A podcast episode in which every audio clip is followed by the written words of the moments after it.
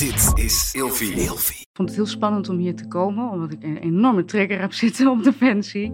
En ik daar ook, nou, eigenlijk wat jij al samenvatte, ehm, ehm, ook ervaringen heb gehad in het verlengde van mijn jeugd. Ehm, en ik dat ook heel lang onderdrukt heb. En eigenlijk ook mezelf daarvan de schuld heb gegeven. Ik denk dat ik dat nog wil zeggen. Er zit schuld op, er zit schaamte op. En ik denk ook wel dat ik tegen mezelf mag zeggen dat die schuld en die schaamte niet nodig is. En dat ik dit, dit ook een hele mooie plek vind. Om dat te mogen zeggen dat ik het moeilijk vind. En dat het me raakt en dat het me triggert. En dat ik, of, dat ik voordat ik hierheen ging, eh, bijna in paniek raakte ervan. Maar dat ik ook tegen mezelf kan zeggen: het is oké. Ik hoef er niet over uit te wijden wat er allemaal gebeurd is. Maar ik heb ook geen schaamte meer nodig en ik heb ook geen schuld nodig. you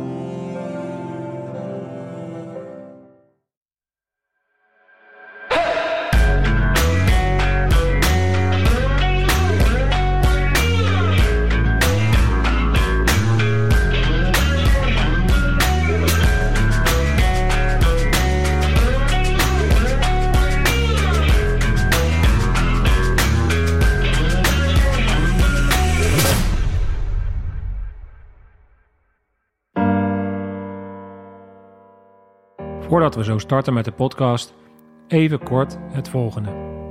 Scherpschutters bestaat bijna drie jaar. En al die jaren maak ik met veel plezier en passie deze content voor jullie. Maar nu heb ik jullie hulp nodig. Mijn ambitie voor 2022 is om verder te groeien. Meer content en nog betere kwaliteit. Maar ik wil scherpschutters sponsorvrij houden, zoals we dat nu toe altijd hebben kunnen doen. Geen invloed van merken, pure en authentieke content zoals jullie gewend zijn. Om mij daarbij te helpen kunnen jullie, en alleen als je wilt, niks verplicht, steunen via www.scherpschutters.online. Word lid en geef een eenmalig bedrag, of liever nog, steun ons maandelijks met een klein bedrag. Mijn dank is groot en ik hoop samen met jullie verder te kunnen groeien en nog veel meer gave content te maken. Veel plezier met de podcast.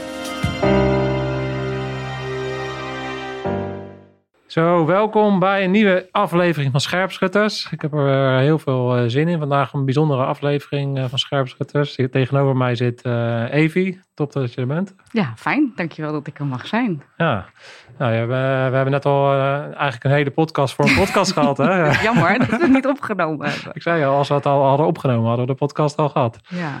Nou ja, dat, is, dat gaat soms vanzelf. Hè? Als, je, als je iemand tegenkomt en, en praat makkelijk. Praat is eigenlijk ook jouw uh, beroep eigenlijk ook, hè? je, uh, kan je, zou je dat zo kunnen zeggen? Ja. eigenlijk wel. Maar wat ik daar straks al tegen je zei, uh, dat um, voor iemand die de bedrijf even maakt, alles bespreekbaar noemt, is het eigenlijk best gek dat ik spreken best wel spannend vind en ingewikkeld vind. ja. ja. Maar klopt, het is eigenlijk, eigenlijk mijn beroep. En vooral ook mensen uitnodigen daartoe. Ja, ja want jouw, jouw bedrijf heet Evi maakt alles bespreekbaar. En dat, uh, dat is denk ik ook een beetje het thema waar we het vandaag natuurlijk over gaan hebben. Bespreekbaarheid. En uh, ja. jij hebt een nogal een woelig leven achter de rug, om het maar even zo te zeggen. Daar gaan we zo meteen ook natuurlijk induiken. Wat jij, wie je bent en wat je hebt meegemaakt. En hoe dat dan heeft geleid tot ja, dit moment in jouw leven waarin je eigenlijk an anderen helpt om door dingen bespreekbaar te maken. Om dan de thema's aan te kijken. ik vond het mooi op jouw website ook de de, het filmpje waarin jij eigenlijk de metafoor gebruikt van een, van een huis, waar natuurlijk donkere hoeken zitten maar, en ook lichte stukken, maar, en dat het soms uh, nodig is om op een bepaald donker stukje van jezelf een lichtje te schijnen om weer verder te komen. Ja. En wat ik heel interessant vond, wat jij net eigenlijk zei in het voorgesprek, is dat jij zei van ja, maar eigenlijk help ik ook mezelf. Ja. Wat, wat, wat bedoel je daarmee? Ik geloof heel erg dat we uh, onszelf via de ander ontmoeten. Dus eigenlijk al hier in dit gesprek dat. Um, ik ontmoet jou en eigenlijk ontmoet ik mezelf via jou en vice versa. Dus jij ook in mij. Afhankelijk of we het willen zien. En je had het daar straks in ons voorgesprek ook over uh, allergieën, irritaties. Nou, dat, weten heel veel mensen wel. Als, als, je, als je dat in jezelf kan waarnemen, dan weet je eigenlijk al van... oh ja, ik, ik, ik ontmoet in de ander iets wat eigenlijk over mezelf gaat. En dat gaat de hele dag door. En... Um, ik denk dat het niet eerlijk zou zijn als ik zou zeggen dat ik af ben, dat ik klaar ben. Uh, want ik geloof helemaal niet in dat we als mens klaar zijn. Uh, op een gegeven moment zijn we dood en misschien is er een volgend leven en gaat het daarna gewoon weer door. Iedereen krijgt zijn eigen levenslessen. Um, en um, dat alle mensen die ik ontmoet, dus ook alle mensen die ik begeleid, die komen bij mij voor hulp, ondersteuning, die komen met hun verhaal. En en iedere keer word ik op iets geraakt of op iets aangeraakt of ontmoet ik via hen iets in mezelf. Waar ik denk, oh, oh, wacht even. Zo heb ik er nog helemaal niet naar gekeken. Oh, wacht, hier heb ik eigenlijk nog een stukje van mezelf liggen wat ik mag opruimen. Daarom zeg ik, het zou helemaal niet eerlijk zijn om te zeggen, ik ben af en nu ga ik jou helpen. Um, ik denk bij uitstek dat coaches en hulpverleners en alle, alle mensen in de zorg uh, uh, um, proberen om, uh, om anderen te helpen en uh, eigenlijk, uh, eigenlijk zichzelf willen helpen. Wat ik persoonlijk helemaal niet erg vind als je er maar naar de allereerste plaats eerlijk over bent tegen jezelf. Ja, ja. ja dat is het. Ja. Nou, dus dat, dat, dat ben jij. jij, bent, jij bent daar sowieso eerlijk over. Ja, dat is nieuw hoor. ja, dat, dat heb je, heeft, heeft je ook lang gekost om dat... Om echt eerlijk te zijn en ja. te snappen waar het over gaat, die eerlijkheid. Ja. Ja. Ja, want voordat we. Ehm, ja, laten, laten we eens in gaan duiken dan wie jij, uh, wie jij bent. En waarom dat dan voor jou zo moeilijk is geweest om uh, op het punt te komen waarop dan daadwerkelijk alles bespreekbaar is. Want dat is denk ik niet altijd zo geweest. Nee. Um, want dat is natuurlijk staat natuurlijk centraal voor, jou, voor jouw thema ook. En, van, en jij gaf al aan dat je het heel spannend vindt, eigenlijk nog steeds om te spreken. Zowel voor groepen, maar natuurlijk vandaag. Jij vindt het ook spannend om hier aan, aan te schuiven. Ik vergeet niet voor niet niks wat eigenlijk je vraag Nee, dat is gewoon spanning. ja, weet spanning, je? Ja, dat is ook helemaal, helemaal logisch. Ik heb, al, ik heb dat al, eh, ik zeg dat zo vaak, maar ik blijf het ook zeggen dat ik daar enorm veel bewondering voor heb dat je überhaupt hier zit. En ehm, eh, zeker omdat het natuurlijk hele intieme kwesties zijn en eh, eh, om over jezelf te praten en om Ja. hier maar te gaan zitten. Weet je, ik, ik herken al die stemmetjes van ja, wie zit er nou op mijn verhaal te wachten en eh, weet je, wat, wat ga ik daar nou ver- vertellen? En, dus, ehm, ja, dus ik heb daar bewondering voor dat je hier überhaupt zit. Dus laten we eens... ehm, Laten we eens erin duiken dan. Wie, ik zeg, je, je, hebt misschien wel een keer de podcast gekeken, maar ik begin eigenlijk altijd te vragen met wie ben jij eigenlijk? Ehm, kan, je, kan je zelf eh, ja, een beetje beginnen bij het begin van eh, waar kom je vandaan en hoe ben jij opgegroeid en wat is, eh, ja, wat is jouw levensloop geweest? Hoe lang hebben we? Zolang jij wilt. Bij het begin. Ehm, ik, ik ben 41 nu, op dit moment. We zijn even oud. En ehm, ik denk dat ik waar ik vandaan kom kan schetsen als... nou, toen ik erin zat niet, maar vooral later dat ik dat echt heb ervaren als, eh, als een oorlogssituatie. En eh, vooral een situatie waarin ik, eh, waar het nodig was om mijn, alles wat ik voelde uit te schakelen. Dus eigenlijk te verwijderen van mezelf.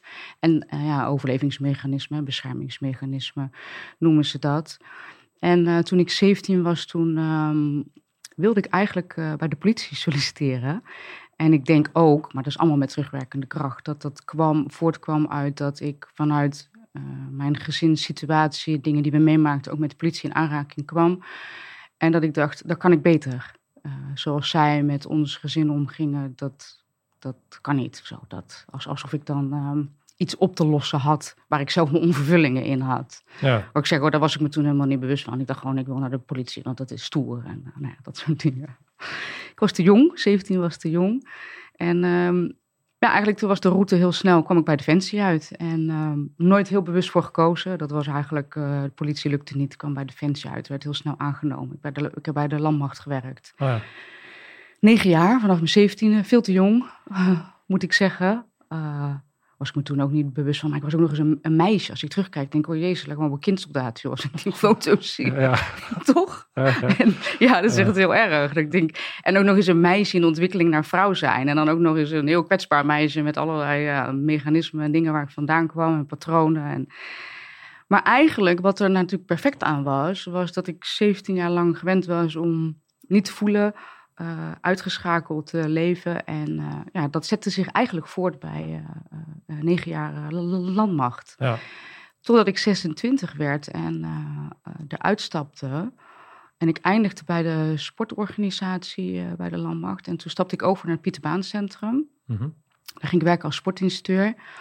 En ehm, nou, toen zei een collega van, uh, van Defensie ook nog van, nou moet het nog spannender, moet het nog spannender voor je.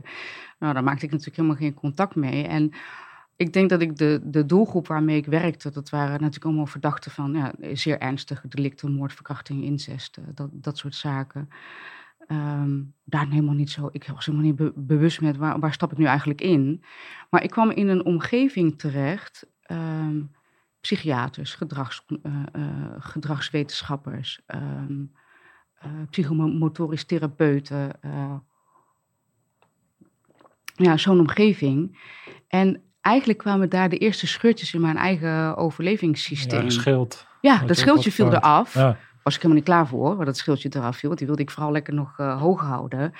Maar ja, daar werd natuurlijk veel meer gevraagd van, goh, wie is Evie? En uh, waarom doet Evie wat ze doet? Weliswaar gewoon als sportinstructeur, maar ook gewoon in de, in de gesprekken die je daarnaast hebt. En um, ja, ik vond dat doodeng. Ik kwam eigenlijk achter dat ik helemaal geen idee had. Ik voelde me op dat moment echt een klein meisje in een, in een grote mensenwereld. Ik denk dat ik dat daarvoor bij Defensie ook wel gevoeld heb, maar daar was ik nog iets beter in het uitschakelen daarvan. Ja. En, uh, ja, en vooral blijven doen alsof. Ja, ik weet nog dat ik wel eens de afdeling opliep, dat ik gewoon daarvoor gewoon nog de tranen in mijn gezicht had en uh, hyperventilerend in de auto zat. En, uh, maar gewoon doen en door. Ja, daar hou je natuurlijk op een gegeven moment helemaal niet lang vol. En toen ben ik uitgevallen uiteindelijk. Ik heb daar nog wel drie jaar gewerkt. Maar toen uh, werd ik eigenlijk gedwongen... wat ik in het Pieterbaancentrum heel interessant vond. Want daar waar je bij Defensie eigenlijk ja, sport inzet als middel om te trainen, te vormen, noem maar op. Was het in het Pieterbaancentrum veel meer om, ja, wat is, om gedrag te observeren. Waarom, waarom Waarom doen mensen, dat, is natuurlijk het hele idee van het onderzoek in het Pieterbaancentrum. Ja. Waarom doen mensen wat ze doen? En dan gebruikten ze sport als middel onder om andere, dat te doen. onder andere. Ja, ik werkte samen met psychomotorisch therapeuten. Dat is gewoon een middel, net als de vele middelen die je kan inzetten. Mm -hmm. Wat ik natuurlijk interessant vond, is omdat je daar te maken hebt met extreem gedrag, blijft nog steeds wel de vraag: waarom doet iemand wat hij doet? Dus wat ligt erachter? Wat ligt eronder? Wat zijn de drijfveren? Wat zijn de ja, motivaties? Of iemand er nou bij kan of niet? Maar door mijn eigen uitval werd ik natuurlijk ook gedwongen om te kijken waarom doe ik wat ik doe? Waarom voel ik wat ik voel? Waarom denk ik wat ik denk? En daar was ik op dat moment nog helemaal niet klaar voor. Dus ik heb een enorme uh, zwerftocht gemaakt uh, uh, in mezelf, buiten mezelf, door Nederland, naar Azië en weer terug. Ja. In de hoop, ik heb helemaal geen idee wat ik hoopte daar te vinden. Maar. nee, maar vanaf, vanaf eigenlijk het moment dat je dus daar wegging tot het moment waar je nu zit, is eigenlijk één grote uh, tocht geweest van het doorbreken van dat schild. En, en, en, om het even terug te komen bij de metafoor, om, om het licht langzaam te gaan schijnen op de plekken die je heel lang verborgen hebt gehouden. Ja, ja. en dat ehm, kostte echt heel veel tijd. Ja, dat lukte niet met het besef van, oh, daar liggen, eigenlijk precies zoals jij benoemde, daar zitten kelders. Dus dan, gaan, dan wandelen, we, doen de deur open, we halen het slot af, we, doen de deur open en we wandelen er even heen. Dat is niet uh, de simpelheid waarmee je een, uh, deze kelderdeur zo openmaakte. Nee. Ja.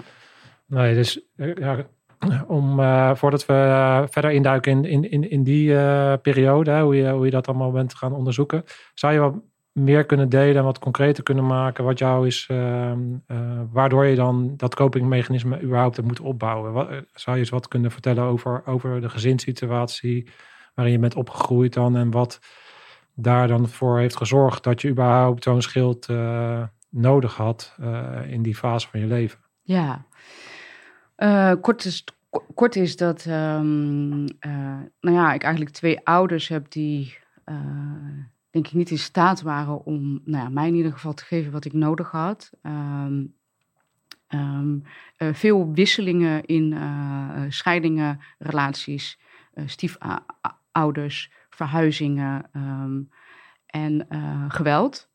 En uiteindelijk ook seksueel misbruik. En nou, ik denk dat ik zo wel goed samenvat wat een beetje de omgeving is waarin ik opgroeide. Ah. Ja. En als je dan ehm, aan de slag gaat om uh, daar voor het eerst uh, naar te gaan kijken. Kan je, kan je eens vanuit jouw beleving dan omschrijven van, van hoe werkt dat dan? Voor iemand die misschien niet uh, zulke heftige dingen heeft meegemaakt. Kan, je, kan jij omschrijven van hoe werkt het, hoe werkt het wegstoppen. Hoe werkt dat? Hoe werkt dat mechanisme? Fantastisch. Ja, nee, dat meen ik serieus. Ik ben blij, ergens ben ik blij dat het bestaat. ja, Dat ik, een tijd geleden lag ik met mijn man op bed en toen heel even ging er zo'n luikje open. En toen maakte ik contact met iets heel ondraaglijks in me. En daarna, poef, was het ook weer weg. Dat ik in één keer voelde, oh, nu snap ik waar het woord ondraaglijk vandaan komt. Want het is, het is echt ondraaglijk soms. En nu begrijp ik ook hoe, hoe beschermings- en overlevingsmechanismen werken. Tot aan verdringing aan toe. ja. Dat je gewoon dingen niet meer herinnert. Ze beschermen ons. Ik ma- ik maak een, be- een beetje een grapje met hoe werkt het. eh, ja. fa- Fantastisch. Ergens ben ik ehm, blij ook dat het systeem zo werkt. Want in de tijd dat het nodig is... en dan maakt het helemaal niet uit of je nou dingen meemaakt in je jeugd... of dat je op, op uitzending bent of hier op straat loopt en er gebeurt iets. Het, Ja. het, het beschermt ons op het moment dat het nodig is. Ehm, alleen, wat ik al zei, ik kan denk ik dan mijn jeugd omschrijven als, als een soort van oorlog daarbuiten, die uiteindelijk eh, een oorlog in mezelf wordt. En, eh, en daar kan ik helemaal niet, daar kon ik helemaal geen contact mee maken. Ik, ontkende eigenlijk, en dat doen heel veel kinderen ook, ik ontkende eigenlijk dat het erg was. Ik ontkende dat ik onvervullingen had. Ik ontkende dat ik bang was. Ik ontkende dat ik verdriet had. Ik. Dus het was er niet. Ik ontkende eigenlijk dat ik in een. Ik, ik wist eigenlijk niet beter dan dat dat mijn omgeving was. Punt. En dan groei je op. En, dan, en toen kreeg ik last van dingen zonder dat ik wist dat dat last was. Moest ik er eerst nog achter komen van, oh, dit is dus niet wat iedereen voelt. Of dit is last. Soms moet je er lang genoeg mee lopen ehm, om te ervaren dat het last is. Dat je relaties niet aan kan gaan. Dat je steeds weer vlucht van jezelf. Dat, je, dat- dat, ik suïcidaal werd. Dat ik, eh, dat, ik, eh, dat ik drugs ging ge- gebruiken en niet begreep waarom ik dat ging ge- ge- gebruiken. Eigenlijk alleen maar om te verdoven. Dat ik allemaal dingen ging doen. En eer dat ik doorhad dat dat allemaal coping was en allemaal mechanisme was, ehm, moest ik eerst aan toe zijn om te zien van, oh ja, ik kom, ik kom ergens vandaan en daar heb ik pijn geleden. En daar moet ik naartoe. Ja, daar, daar was ik helemaal niet klaar voor. Die mechanismen werkten dat gewoon tegen. En ehm, ja, dan gaat het stapje voor stapje dat eigenlijk die deurtjes open kunnen ehm, om, eh, om die kelders binnen te stappen. Ja, En als je er eentje gehad hebt, dan denk je, nou ben ik er wel. En dan staat de volgende weer voor de deur. ja. Ja, want, Het is ook lang in strijd zijn met. Het is ook gewoon niet, niet willen. ja, ja, ik want- hoor het bij heel veel mensen vaak, en dat is bij mij dan wat minder, maar soms dat mensen op latere leeftijd iets meemaken. Die willen dan ehm, het overweldigt, ook het besef van, oh shit, dit is er aan de hand. Het overweldigt en meteen daarna komt strijd. Wil ik niet. Weg. Ik wil terug naar hoe het was. Nou, dat is dan bij mij, heb ik dat referentiekader niet heel erg, maar ik wil, ik wil in ieder geval vanuit wens denken, ik wil dat het goed is. Ik wil dat ik me goed voel, ik wil dat ik functioneer zoals iedereen en ik wil nergens last van hebben. Ja, ja, en dat is natuurlijk, dat vind ik altijd interessant, omdat je, je default modus, om het maar zo te zeggen, die je dan uiteindelijk opbouwt, betekent helemaal niet dat, dat je je daar goed voelt. Nee. Het, het is zelfs zo natuurlijk dat het een, eh, eh, dat je elke keer terug wil, zelfs als al is datgene waar je naar terug wil, iets wat helemaal niet eh, chill voelt of helemaal niet fijn voelt. Ja, Snap je wat ik bedoel? Ja. Dus, dus je hele referentiekader eigenlijk moet je opnieuw gaan uitvinden. Ja, je moet echt je eigen model van de wereld in twijfel durven gaan trekken. Want het klopt wat jij zegt, dat eigenlijk isoleer je je van jezelf. En tenminste, ja, je isoleert je van jezelf. Ik isoleerde van mezelf en ik zie het bij heel veel mensen dat ehm, ik isoleerde me van mijn eigen gevoelens. En ehm, wij zijn ook in staat om ja, gevoelens voor gevoelens te zetten. Ik pak bijvoorbeeld bij mezelf het voorbeeld, ik kon heel goed contact maken met boosheid en agressie. Ik wil niet zeggen dat er altijd uitkwam, want het kon ook imploderen, maar, maar ook exploderen. En op een gegeven moment moest ik mezelf in twijfel gaan trekken. Ben ik nu echt boos of is het iets anders? En ik kwam erachter dat er heel vaak achter mijn boosheid, dat daar verdriet lag of ook wel angst. Maar ik was niet meer in staat om dat verdriet te voelen of die angst te voelen. En ik antwoordde, of mijn systeem antwoordde altijd met boosheid. Maar dat was mijn waarheid geworden. Dus dan moet je op een gegeven moment tegen jezelf zeggen, maar wat ik voel klopt niet. Ja, dat, dat, dat kon ik bijna niet ja, verenigen in mijn hoofd. Dus dat kost ook heel erg tijd om eigenlijk iedere keer als je dan in een situatie komt, tegen jezelf te zeggen, oh wat ik nu voel klopt niet, wat ik nu denk klopt niet. Als je het dan over patroondoorbreking hebt, dat, dat, dat, dat kost heel veel eh, tijd. En dit is maar één voorbeeld, maar iemand anders kan het met, nou, als ik het ook weer over gevoelens heb. Ik heb bijvoorbeeld een vriendin en die kon heel snel verdrietig worden. Die zei, nou, maar boosheid ken ik niet. Ik zei, wel, iedereen heeft boosheid in zich. En zij werd verdrietig, vaak op momenten dat ze misschien eigenlijk boos was. Dus we Ja. kunnen, zeg maar, Ja. onszelf hartstikke voor de gek houden. Primaire, secundaire emoties. Ja. eh. Ja. kan je eens vanuit jouw eh, oogpunt omschrijven in hoeverre dat gerelateerd is aan veiligheid? Dat is iets wat in mij opkomt. Hè, van, ehm, want we kunnen denk ik concluderen dat jouw jeugd niet veilig is geweest. Dus Ja, door, de, denk- door de verplaatsingen, maar ook door de, dat je natuurlijk Veel dingen kreeg eigenlijk van mensen, eh, van je vader eh, bijvoorbeeld, die je niet hoort, die daar niet horen. Waardoor je natuurlijk een bepaalde mate van onveiligheid hebt ervaren. Klopt dat? Of ervaar je, heb je dat zelf ook zo? Of hoe zou je dat omschrijven? Ja, het, nee, het, is, het is grappig, want je vroeg daar straks hoe werkt het. Ik denk dat ik toen ik erin zat het niet zo ervaarde, niet bewust. Dus dat het systeem al gaat werken. Je kan niet verdragen, nou in ieder geval als kind zijnde, dat het onveilig is. Dat je primaire hechtingsfiguren, dat je verzorgers eh, onvoorspelbaar zijn en Want jij, onveilig want, want voelen. klopt het dat, dat jij in die leeftijd heel erg eigenlijk alles goed praat en alles in kloppend praat wat jouw ouders doen? Omdat Ja. je ze zo... Weet Het je, is ook de loyaliteit. Je bent Ja. hartstikke afhankelijk van je ouders. Ik kan als drie, eh, zes, acht, tienjarig meisje kan ik niet, niet zeggen doei. Ik ga wel voor mezelf zorgen. nee. Dus je bent er natuurlijk hartstikke afhankelijk van. Maar ja, en wat mijn mechanisme was, ik ging voor hen zorgen. Wat zij tekort kwamen, zochten ze in mij. Ehm, hun behoeftes werden mijn verantwoordelijkheid. En ik ben die taak gaan dragen. Ik ben, ik ben voor hen gaan zorgen. Ik ben hun onvervullingen gaan invullen. Zonder dat ik door had dat ik dat aan het doen was. Daar moest ik dus groot voor groeien. En op een gegeven moment mijn eigen mechanismen en patronen gaan zien. Dat ik dat dus met de rest van de wereld ook deed. Ik ging dus voor anderen zorgen omdat ik dacht dat dat mijn verantwoordelijkheid was. Ik was helemaal weg van mezelf. Ja. Ja.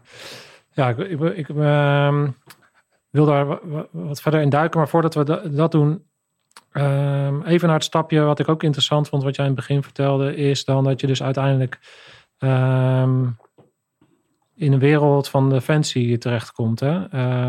Dat is, ja, ik weet, ik weet inmiddels natuurlijk dat dat voor jou, dat, dat stukje voor jou lastig is. Hè? Ook überhaupt om hier te zitten. Om- hoesten. ja, je moet er meteen van hoesten. dus dus kijk, ehm, zou jij zeggen dat jij eigenlijk een uitermate geschikte kandidaat was voor eh, Defensie? eh, door, door je achtergrond of juist niet? Of hoe, eh, want jij zei eigenlijk van ja, doordat ik eigenlijk al zo gewend was om mijn gevoel uit te schakelen. In dat opzicht wel. ja, Maar ik vond mij alles behalve geschikt. Als ik terugkijk, denk ik, ja, dan word ik helemaal niet thuis. nee. Nee. En dat heeft nog niet eens te maken met of ik, of ik wel of niet functioneerde. Als ik gewoon nu naar mezelf kijk, dat ik steeds dichter bij mijn kern kom. eh, eh, eh, zachte, lieve Evie, die juist met haar zachtheid en haar vrouwelijkheid en haar liefheid en juist doortastendheid van haar zachtheid. Dat ik denk, oh, dat paste daar helemaal niet. Nee, dat past in, in de weg die ik nu aan het bewandelen ben. Dus het was een verharding eh, die ik al had, wat mij daar bracht. En ik denk dat een bepaalde verharding daar dan wel in paste, maar het paste niet bij mij. Dus Nee. in die zin paste ik daar eigenlijk niet. Nee, nee, precies. Wil je, wil je iets delen over, over die periode? Eh voel je vrij om dat niet te doen, maar zou, zou je wat kunnen vertellen van hoe jij dan binnen bent gekomen binnen Defensie en eh, hoe je dat ervaren hebt en, en, en wat voor dingen je daar mee hebt gemaakt? Eh, wil je daar wat over delen? Mm, ik twijfel, dus dan doe ik het nu niet, maar misschien later. Ja, nou, dat, Ja. maar dat is prima. Maar, we kunnen concluderen dat het geen. eh, is het alleen maar rot geweest bij Defensie of heb je ook mooie dingen meegemaakt? Ja, eh, het is allebei. Het bestaat naast elkaar. En ehm, ehm, ik denk dat dat eigenlijk met alles is. Maar we hadden, vo- voordat dit liep, hadden we het er ook over. Eh, zelfs met waar ik vandaan kom, ook daar liggen eh, vruchtjes, zeg maar, die ik kan plukken. En ook daar zitten kiempjes en bloemetjes die ik kan plukken. En, in- Ja. en daar bedoel ik eigenlijk mee dat daar liggen ook parels in de, in de stront, zeg maar. Ja, Ja. ja. die liggen daar ook. En je moet ze wel kunnen zien. En als ik naar Defensie kijk, dan is het te gemakkelijk om, eh, omdat ik er gewoon nog heel erg op, op aangeraakt en getriggerd word. ehm, om daar zonder kleuring naar te kunnen kijken. Dat er ook heel veel waarde in zat. Want ik heb er ook echt ontzettend veel geleerd. Ik, da- daar liggen ook dingen die ik, eh, vaardigheden en kwaliteiten die ik aangesterkt en ontwikkeld heb. Waar ik tot op de dag van vandaag ook nog steeds wat aan heb. Ja. Maar er ligt ook, eh, er ligt ook pijn. Ja, en er, ligt vooral pijn waar ik, waar ik nog niet helemaal heen gegaan ben. En eh, waar ik ook nog wat te rouwen en te verwerken heb. Ja, Ja, ja. dus het is en-en. Maar laten we eventjes, eh, om dat even een stukje, want ik wil dan vooral even weer verder gaan naar, naar dat deel waarin je op zoek bent gegaan naar jezelf. Maar we kunnen wel even concluderen dat eigenlijk de periode bij Defensie een beetje in dezelfde lijn zat als waar je vandaan kwam vanuit je, vanuit je jeugd. Ja. En, en dat, je, dat je eigenlijk diezelfde ehm, soort dingen eigenlijk dan meemaakt in een andere setting. En daardoor, en uiteindelijk dat natuurlijk tot een, tot een punt is gekomen dat je dat, dat, dat, schi- dat, dat schild langzaam ging, Ja, ging kraken. ja, goede samenvatting. Ja. en ehm, ja, kijk, of het nou, eh, wat je nou ook meemaakt. Hè, ik heb hier regelmatig eh, mensen aan tafel gehad die eh, een vorm van PTSS hebben opgelopen, traumatische dingen hebben meegemaakt. En of dat nou met een bermbom is of met andere dingen die je meemaakt binnen je, binnen je leven of binnen Defensie. Dat maakt uiteindelijk niet uit. Wat het natuurlijk ehm, of maakt wel uit. Het maakt jouw ervaring uniek. Maar wat ik bedoel is van uiteindelijk zien we vaak hetzelfde mechanisme. Dat is Ja. natuurlijk een bepaald, eh, bepaalde kopingsmechanisme, eh, eh, een bepaalde wegstoppen ervan. En dat is natuurlijk ook de reden waarom jij nu hier zit. Is omdat ik heel erg graag wil leren. En degene die kijken iets ook wil meegeven van door naar jouw proces te kijken. van het openen van dat schild. En uiteindelijk komen waar je, nu, waar je nu bent. Waarin je wel in staat bent geweest om in ieder geval delen van, van die delen, delen van jezelf eh, te belichten. En eh, mee aan de slag te gaan. Kan, Ja. kan je. ehm, wat, wat is voor jou in het begin van het proces het belangrijkste geweest? Is, is dat een bepaalde coach of een eh, hulpverlener waar je tegenaan bent gelopen? Is het, zijn het vrienden geweest? Is het familie geweest? Kan je eens omschrijven wat, wat, wat, welke facetten belangrijk zijn geweest in jouw proces daarin? Ja, best wel veel. Ook een hoop idioten ontmoet eh, in die hele reis. Maar ja, blijkbaar, blijkbaar was dat ook nodig. Ja. En ehm, ja, soms denk ik ook wel, als ik denk, oh, als er nou eerder wat oplettende mensen waren, heel hulpverleners, coaches, gewoon mensen, maakt eigenlijk niet uit. eh, was dat proces eerder doorbroken? Heb ik mezelf wel eens afgevraagd. Dat ik ook aan de andere kant denk, oh ja, maar die mechanismen waren ook gewoon knijtersterk en hardnekkig.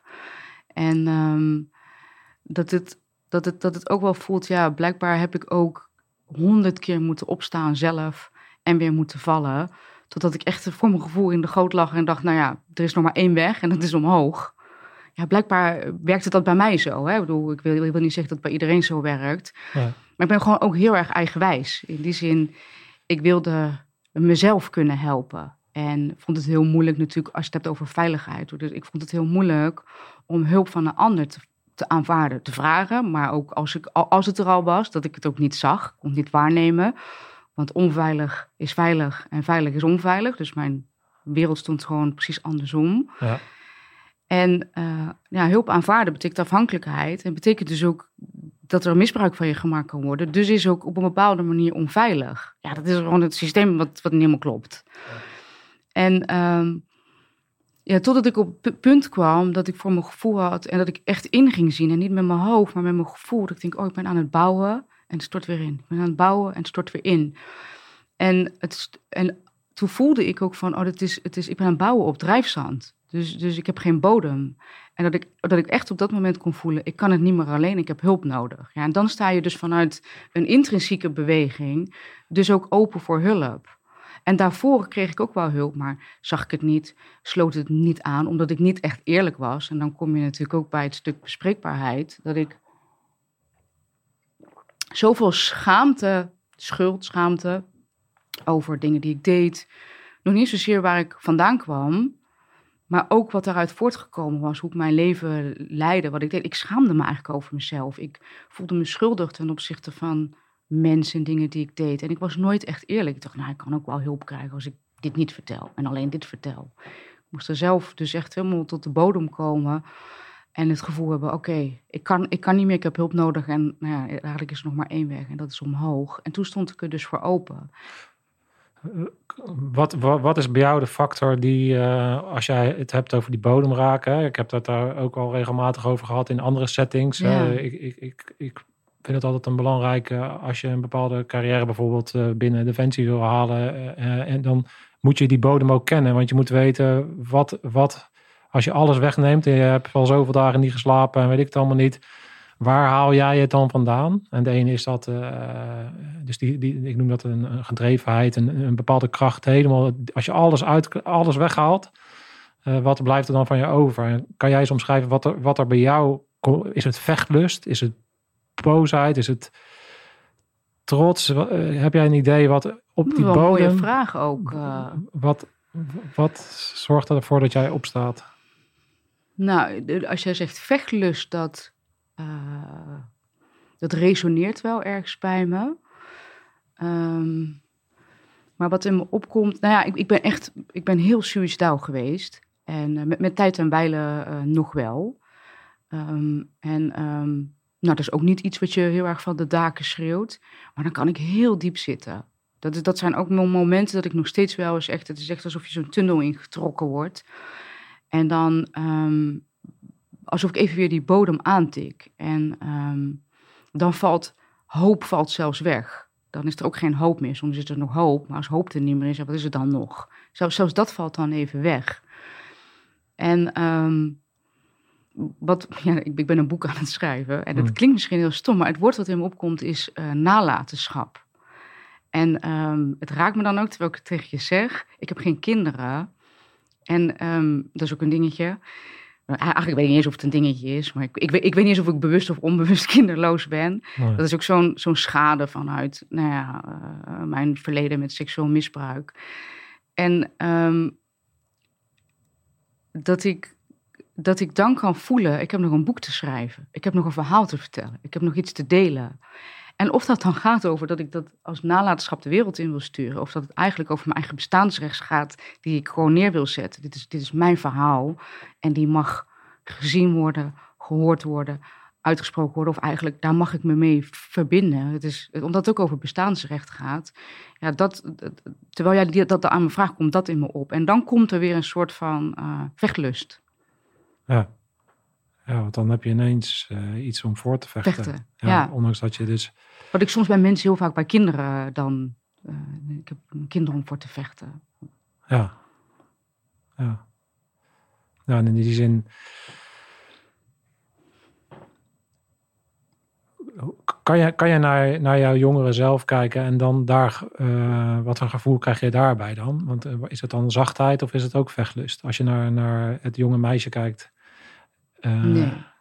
nee, dan is er zachtheid. Zachtheid. Speelsheid, liefheid. Als ik naar mezelf als jong meisje kijk, dan zie ik echt zo'n leuk kind. En heel blij en heel lief en heel zacht. En heel erg, die doet heel erg dit naar de wereld. Die doet dat ik, dat ik denk, oh, ik ben niet... Hoe jong dingen ook begonnen mogen zijn, er is er, ergens was er die schade nog niet. Ergens was er, oh, die bescherming nog niet. Ergens was er gewoon dat verwonderde kind die nieuwsgierig was en door de wereld heen fladderde en, en, en danste. En, en um, wat ik dan ook zie, die iets, iets moois bij mensen uh, losmaakt. En soms maak ik nog wel eens contact met dat. Uh, het zit nog in mij. Ja. ja. Ja, en dat is heel, ik vind het heel fijn als ik daar ben. Want ik ben daar niet altijd. Soms ik kom in die donkere, duistere tunnel van me. Maar, maar soms ben ik daar ook. En dan, dan, dan vind ik mezelf ook heel leuk. Ja mooi. Ja. Wat bij mij opkomt is... er zit natuurlijk ook een bepaalde grens aan. Altijd maar licht schijnen op die donkere kanten. En, Och, uh, my goodness, ja. ja. Weet je, op een gegeven moment wil je natuurlijk ook gewoon uh, hier zijn en hier leven. En uh, het fijn hebben met je, met je, met je kerel. En, ja. en de mooie dingen doen. En ja, dus, dus daar, ook in dat hele proces. Je kan, je kan dat proces niet vooruit duwen. Je kan het niet versnellen. Versnellen of nee. zo. Het, het, het, is allemaal, Nee. heeft allemaal, moet allemaal een soort van... Het is ook precies wat je zegt, het is een proces. Ik zie het heel veel mensen komen natuurlijk nu ook bij mij en die willen een quick fix. Past ook een beetje bij de samenleving Ja, waar we ja. in zitten. Ja, dat kan niet. Het bestaat ook gewoon niet. Nee. quick fix en überhaupt een fix moet het... Ja, het Ja, is, het moet is, het een fix zijn. het is een... Het is een eh, Eigenlijk is het al goed, hè? Dat is het ook. ja. ja, ik vind dat altijd, altijd een eh, lastige, moet ik eerlijk zeggen. Van, omdat dat ook niet in mij zit. Hè. Het is, ik snap de term van je bent goed zoals je bent. Maar het druist, dat is, is mijn ding. Hè. Persoonlijk vind ik dat altijd een lastige. Omdat ik altijd potentie, potentieel zie in alles. Ja, ik denk dat je misschien en met ook in je- mezelf. Hè. Dus eh, ik, ja, je bent goed zoals je nu bent. Maar ik zie overal, eh, ook, weet je, als, als ik jou heel goed zou kennen, dan zou ik ook direct kunnen zien van, oh, maar, maar er zit nog zoveel meer in je. En dat, is, Ja, dat kan een, een, een positieve lading hebben en een negatieve lading voor mensen. Snap je wat ik bedoel? ik snap precies wat je bedoelt. Maar ik denk ook dat het gaat over misschien het verschil tussen je bent goed zoals je bent, maar er zit nog potentie in wat je kan doen. Tussen, tussen Ja. zijn en wat je doet zit een Ja. verschil. Ja, precies. Actie, actie en zijn. Ja, ik ben goed zoals ik ben en jij ook. En daar, en, maar we doen dingen. Alleen we zijn ook nog heel erg geneigd datgene wat we doen en wie we zijn, dat heel erg aan Te elkaar te koppelen. Ja. En te verwarren met elkaar. Terwijl, ja, ik, wat wat ik daar straks zei, dus gedrag, ja, daar, daar kunnen we corrigeren of daar kunnen we veranderen of daar kunnen we ontevreden over zijn of daar kunnen we iets van vinden of kunnen we nu ook even vinden en straks niet, niet, meer. Maar het, welk gedrag het ook nu is of morgen is of overmorgen is, het verandert niks aan wie we zijn. Dat blijft altijd. Ja. Maar als ik naar dat, dat meisje kijk, dan ehm, zit daar natuurlijk allemaal wat ik net tegen jou zei. Het verwondert me, het maakt me blij, eh, speels, eh, bla bla, hele verhaal. Maar wat er natuurlijk onlosmakelijk mee verbonden is, is ook de pijn die dat, die, dat deel van mij ervaren heeft. Oh, en dat heeft met verlies te maken. Ja, of de onschuld. Als ik kijk naar de onschuld eigenlijk van dat kind, wat ik ben, ja, daar is natuurlijk ook schade En dat doet pijn. En ik heb mij dus, ah, wat jij zegt, alles wat daartussenin zit, is allemaal bescherming van de pijn. En daarmee heb ik een schild voor me gekregen en dat beschermde ik me tegen pijn, wat de grootste onzin is, want ik heb even goed pijn gehad, dus ik kon me er helemaal niet tegen beschermen. Maar wat ik, oh, het werd ook een schild voor liefde, wat ook niet bi- binnenkwam. En met dat ik dus zeg maar ging openbreken, om even in dezelfde metafoor te blijven, ja, dan kan er wat liefde weer in. Maar met dat er liefde in komt, komt er ook pijn mee binnen. Al was het alleen maar de, dat ik ook contact maak met de pijn die ik toen ervaren heb, die ik dus afgeschermd heb. Maar ook met de pijn van, god, wat heb ik, wat, wat, wat heb ik gemist? En wat ben ik daar behoeftig aan geweest? Of vervolgens, het volgende rouwproces wat erover heb, wat heb ik mezelf eigenlijk aangedaan met al die mechanismen en patronen en idioterie? Ja. ja. Ingewikkeld, hè? Ja, Als je dus oh, dat mens eigenlijk ingewikkeld, kan zijn. ja, ik snap wel dat we dat niet willen, toch? Ja, ja jeetje.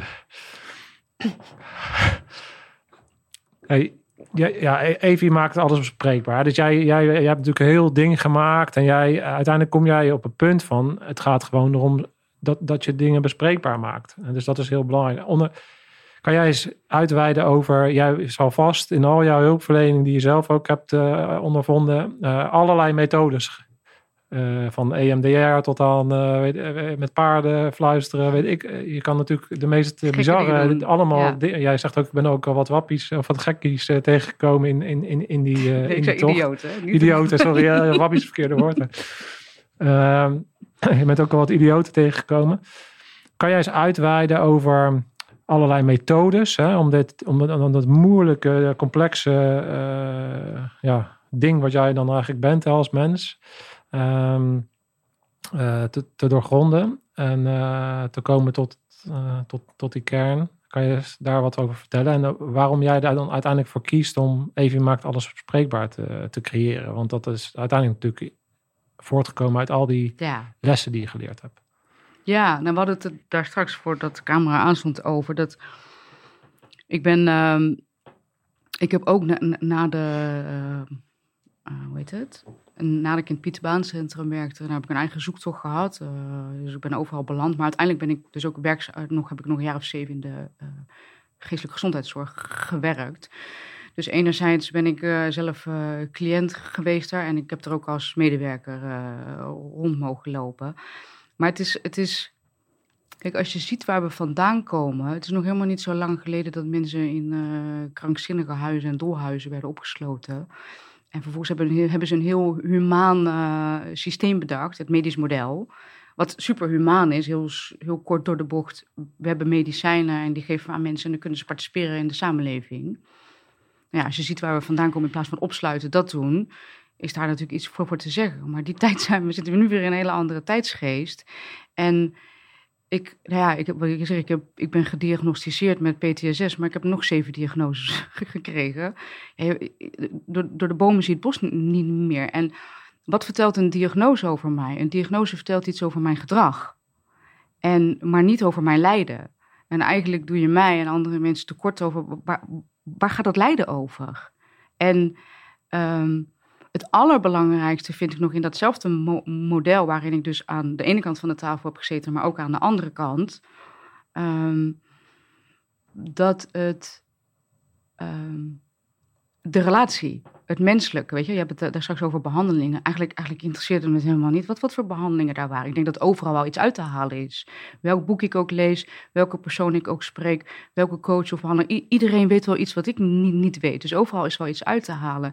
Maar wat ik daar heel erg miste was het menselijke, de relatie en hoe, hoe, hoe ik mezelf via de ander mocht, ont, mocht ontmoeten. En dat een ander dus ook gebruik maakt van zichzelf daarin en zichzelf durft te gebruiken. En toen ik die mensen ontmoette, ja, toen dacht ik, oh ja, maar dit is waar het eigenlijk over gaat. Heb jij die mensen waar je het nu over hebt, die mensen die dus wel in staat zijn om die menselijke verbinding en welke methode ze dan ook gebruiken, uh, vond en die, uh, waar je dan dus uiteindelijk waarschijnlijk het meest aan hebt gehad, ook in jouw traject? Heb je het meest gevonden in de, in de, in de gebaande paden van, de, van ons medische systeem, als het ware? Of Gelukkig uiteindelijk wel. Ook, ook wel. Ook ja. wel, ja. ja. ja. ik ben een jaar opgenomen geweest. Dat was het moment dat ik uh, rock bottom zat, zeg maar. En dacht, ik kan niet meer. Wat, het, wat er bij mij veranderde, was dat ik echt uh, open stond voor hulp. Maar ik kwam op dat moment ook op een plek wat, best wel in dat, in dat systeem paste, maar waarin ik het geluk had twee therapeuten te hebben met wie ik allebei een klik had. En die ook, eh, ook gewoon tegen mij durfden te zeggen: Ik weet het nu niet meer. Of zichzelf durfde in te zetten en hun eigen gevoelens met mij durfde te delen, zich kwetsbaar durfde op te stellen en, ehm, en echt met mij durfde te verbinden. En um, ja, dat had ik daarvoor nog niet meegemaakt. Dus heb ik zowel in de gebaande paden als daarbuiten uh, mogen ontmoeten. Ja, dus het gaat echt, echt gewoon letterlijk om de mens en hetgene wat jij nodig hebt. Um, want, want, want kan je concluderen dat um, het contact maken, dus die verbinding maken, de eigenlijk de belangrijkste skill is, die je, als, als, als je het een skill zou kunnen noemen, hè, maar, maar, maar zo, te, die je zou moeten bezitten als je uh, in de hulpverlening zit. Verbinding met jezelf. Verbinding met jezelf en daardoor met een ander. Juist, dat is echt de basis. Dat is ook waar beschikbaarheid voor mij in de essentie over gaat. Dat um, in welke rol ik ook zit, dus ook in de rol van hulpverlener of coach of wat dan ook, uh, het begint met de verbinding bij mijzelf. En als ik die niet heb, wat ben ik dan aan de andere kant aan het optuigen? Ik geloof daar niet in. En Um, ik kan ergens op geraakt worden. Bij, bij, iedere willekeur, dus ook iedere, iedere persoon die bij mij komt voorop, kan ik geraakt worden op iets. En wat ik te vaak zie, is dat begeleiders, hulpverleners, coaches zich daarvoor willen afschermen.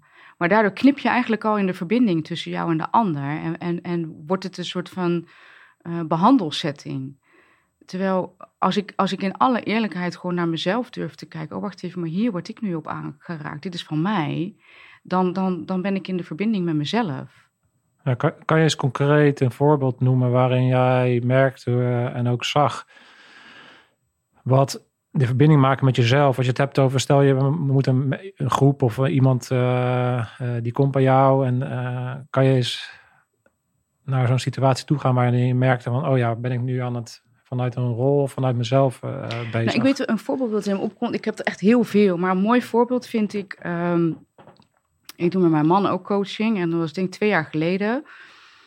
En met jouw man, jouw man is uh, Arie van uh, Special Forces Business. Volgens mij hebben we dat nog niet benoemd. Ja. Dus jij, jij, bent zelf ook outdoor coach hè, bij, bij uh, Special Forces Business. Naast, oh, naast maakt het bespreekbaar. Ja. En wij deden samen een traject en er kwam een man binnen en ik werd meteen aangeraakt ergens op.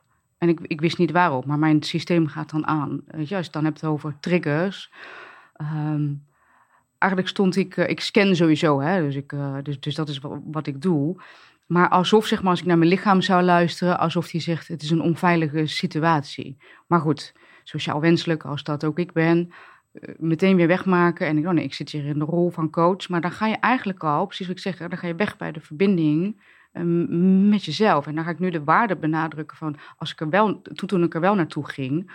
Dus op dat moment was zeg maar, de overweldiging te heftig, de trigger te heftig. Dus had ik het nodig om me niet onveilig te voelen, uit te schakelen en het met mijn hoofd te benaderen. Maar daarna mezelf de ruimte geven, wat gebeurt er nu eigenlijk? Waar ging dit eigenlijk over? En toen kwam ik erachter dat ik dus ergens op, op nou, incongruentie, dus ik had zoiets van, oh ja, hij doet dit, hij zegt dat, maar ik, ik voel dit. Dus ik werd ergens op aangeraakt en dat ging over onveiligheid. En ik kwam erachter dat er, dat, dat in die end, uh, dat er in die man zoveel nog niet gevoelde agressie zat. Um, um, wat eruit wilde, waar hij eigenlijk contact mee hoorde te maken, wilde maken, diende te maken voor zijn eigen helingsproces. Maar dat is precies wat ik heel erg kon voelen aan de voorkant. Ik voelde eigenlijk zijn agressie, maar vooral de incongruentie erop. Want hij toonde zich alles behalve agressie. Maar dat was heel erg waarneembaar in mezelf. En dat maakt het eigenlijk extra waardevol, omdat ik zeg maar die onveiligheid dan, als ik ermee in gesprek kan gaan, niet als waarheid hoef te nemen. Ik kan echt wel zien, oh, die man is helemaal niet onveilig. Maar blijkbaar wordt er wel iets in mij aangeraakt op dat moment die wel belangrijk is. En door dat uiteindelijk te benoemen naar hem van, oh goh, er gebeurt dit bij mij, kwam uiteindelijk ook het hele thema agressie in hem op tafel. En konden we daarin in eigenlijk de coachingsrelatie en in de coachingsessies ook iets mee. Dus in die zin maakt het nog extra waardevol als je jezelf eigenlijk als instrument gebruikt. Ja, ja interessant. Kijk, denk je dat je in die zin ook een betere hulpverlening zal zijn als je dat proces zo extreem hebt meegemaakt als jij? Of uh, in de zin van, wat ik daarmee bedoel, is dat jij omschrijft nu eigenlijk inderdaad hoe jouw hele lichaam eigenlijk het instrument is van uh, die je in kan zetten als, als coach. Hè? Dus, uh, dus jij, oké, jij ervaart zelf, zelf iets en vervolgens kan je dus ook nog eens een keer uh, door je dat bij jezelf te relateren en vervolgens in de situatie van die coaching sessie ja, met alle ervaring, ja. weet je, er zit natuurlijk een enorme gelaagdheid in. Ja. Zou jij Um, ik, probeer me aan het zoeken naar hoe ik die vraag moet stellen. Maar heb jij het idee dat mensen die daadwerkelijk um, uh, zelf het werk, ik noem het altijd de work, weet je, het werk hebben moeten doen, um, een betere hulpverlener zijn dan mensen die dat niet uh, hebben? Of, of kom je dan weer eigenlijk op hetzelfde antwoord wat je eerder aangaf, dat het uiteindelijk ook wel gaat als iemand uh, niet heftige dingen heeft meegemaakt, maar wel heel goed kan verbinden, dat het nog steeds een goede coach kan zijn. Kan je, kan je daar zoiets over ja, zeggen? Ja, ik geloof dat als je goed kan verbinden, dat. Um, nou, nee, als je goed kan verbinden, wil ook nog niet zeggen dat je een goede coach bent. Nee. Um, ik geloof dat. Ik geloof ook niet dat mensen die uh, zelf allerlei ervaringen hebben, of nou ja, zoals ja. jij het noemt, het werk hebben gedaan uh, eigenlijk dat kunnen overstijgen. Hè? Dus ook al die gelaagdheden door kunnen. Ik, ik denk dat het heel waardevol is. En het is eigenlijk een extra bagage in je rugzak die je kan inzetten. Maar ik geloof niet dat zij per definitie beter zijn. Ik geloof dat zij um, op bepaalde momenten in een bepaalde fase in iemands leven of, of bij bepaalde personen dan passend zijn. Ja. Maar er zijn zoveel mensen en zoveel, zoveel behoeftes en er zijn zoveel fases waarin mensen kunnen zitten. En, en, en, en ja, het is heel mooi als, als dan toevallig ik met mijn ervaring en mijn doorleefdheid dan bij iemand aansluit. Maar ja, bij andere mensen die rennen gillend van mij weg, ja, dat is ook prima. Ja, ja, dat is natuurlijk... En daarvoor uit durven komen, ook, ook daar eerlijk ja. over zijn. Ik, ik kan helemaal niet iedereen begeleiden. Dat zou de grootste onzin zijn als ik zeg, nou kom iedereen maar bij mij kun je allemaal begeleiden. Nee, dat kan ik helemaal niet. En misschien nu wel en straks niet meer, of nu niet en straks wel. Dat kan ook nog. Ja, ja, dat is. Kijk, ik heb ook regelmatig coaches ingezet in mijn leven. Eigenlijk al vanaf jongs af aan. Ik, ik heb in de topsport gezeten. Dus dan is, dan is een coach natuurlijk heel praktisch. En heel erg van. Nou, je bent met een, met, met een uh, bepaalde skill bezig. Maar later uh, natuurlijk ook op allerlei andere uh, psychologische vakken. altijd wel coaches gebruikt in mijn leven om, ja. om verder te komen. En daarin herken ik heel erg wat je zegt. Dat voor ieder voor iedere keer dat je met dingen zit, in je leven, in elke fase, heb je andere coaches nodig. Ja, Ik heb wel eens coaches nodig gehad die heel erg eh, zakelijk en mannelijk waren, waardoor je echt eventjes door een bepaalde impasse eh, kan komen. ja, Ehm, maar eh, ja, de laatste jaren heb ik ook wel regelmatig hele, die voor mij in, in eerste instantie toen Defensie uitkwam, de hele feminine, zachte eh, coaches die voor mij heel erg in mijn allergie zaten. En ik dat juist ben gaan opzoeken, omdat ik dat dan wilde, eh, ja, wilde onderzoeken van waarom zit dat dan in mijn allergie. En ik daar juist het meeste te leren had.